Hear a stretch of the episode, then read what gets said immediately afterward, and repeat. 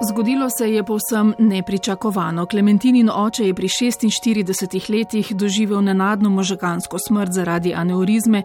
Po nekaj dneh je postalo jasno, da mu zdravniki ne morejo več pomagati.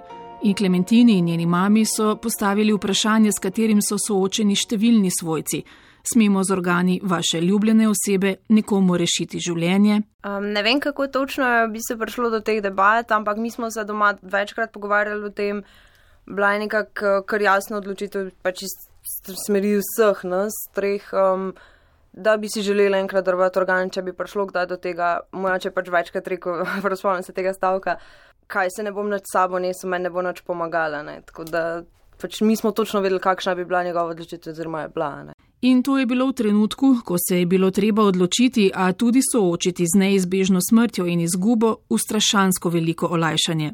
Če mi ne bi govorili o teh stvarih, tudi ne bi razmišljala in ne bi vedela, kaj bi si oče želel. Ne? Tako da meni se zdi zelo, zelo pomembno, da se ljudje pogovarjajo o enih takih stvarih. Pa tudi, če je to zdaj nočem drvati, ampak pomembno je, da vemo od nekoga odločitev.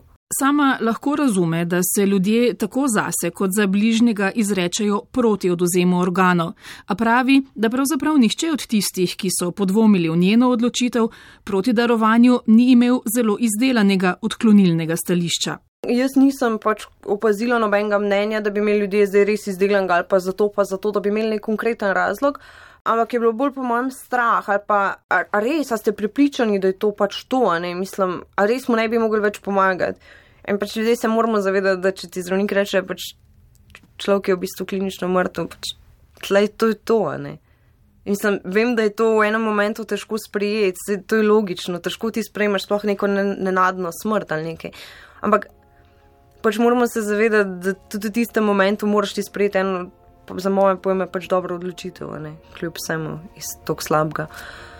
Tako da po mojih opažanjih ljudje nimajo neki, vsaj kar sem jaz imela stika, niso imeli nekega izdelanega mnenja, ampak bolj nek strah. Ampak pol se mi zdi tudi ljudje ki so recimo prespali, pa so videli, da je pač. Verjetno ni bila neka izhodna situacija, zdaj, aha, če bi pa mogoče obdržal srce, bi se pa zbudil, ker se ne bi nikoli. Ne. Se mi zdi, da ljudje se bojijo, pač, da ne vem, ali variant, pač, če je nekdo darovalec, da ga bojo zdravniki slabše obravnavali. Pač, ljudje se moramo zavedati, da to ni res. Vsako pač, človeško življenje je pomembno enako. Poleg tega pa se pogovor o tem, seveda pa tudi samo dozem, opravi šele, ko je človek po vseh kriterijih že klinično mrtev, še opozarja Klementina. Njej in njeni mami je bilo dejstvo, da sta svojo odločitvijo lahko pomagali rešiti življenje nekomu drugemu, tudi pomembna opora v času žalovanja.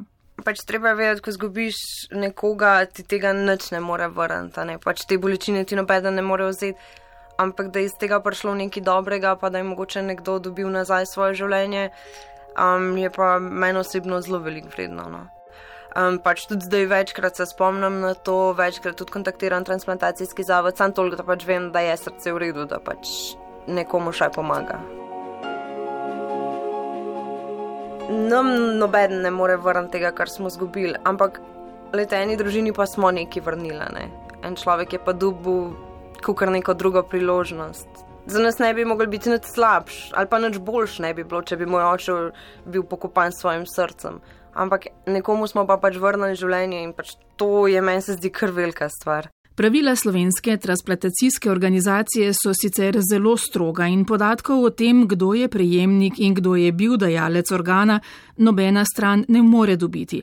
Je pa svojcem donatorjev dovoljeno, da izvedo, ali je presaditev uspela, prejemnikom pa, da povsem anonimno napišejo pismo zahvale, če si seveda to želijo. Za Klementino in njeno družino je bilo to pismo veliko presenečenje. Da smo dobili pismo, je bilo presenečenje za nas. Nismo vedeli, da je sploh opcija, pač da lahko dobiš kaj tazga.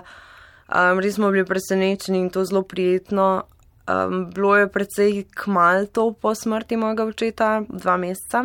Bilo je še vse sveže, ampak kar se mogoče čuden sliši, nekako je dal težo tej smrti, pač za neki je bilo vreden, če lahko se sploh tako izrazim. V teho je bilo tudi to, kako veliko spremembo je presajeno srce prineslo v prejemnikovo življenje. Prej, recimo, gospod pač prej ni mogel narediti niti koraka, zdaj pa pač dela kilometre, lahko preživlja čas svojo družino. Pač to je bilo tisto, kar si misliš, ok, je, to je to, pač, ne. To je to, za kar je vreden. Stavek, ki meni res velik tukaj pomenil, um, je bil takole. Rad bi vam povedal, da je vaša nesebična odločitev, da podarite srce ljubljene osebe nekomu, ki ga ne poznate, vendar veste, da ga potrebuje, spremenila moje življenje. Vaša odločitev mi je vrnila leta, ki sem jih izgubil zaradi bolezni. Čeprav vaše izgube ni moč povrniti, upam, da vam bo v tolažbo, da ste mi z velikim dejanjem podarili neprecenljivo darilo. Podarili ste mi življenje.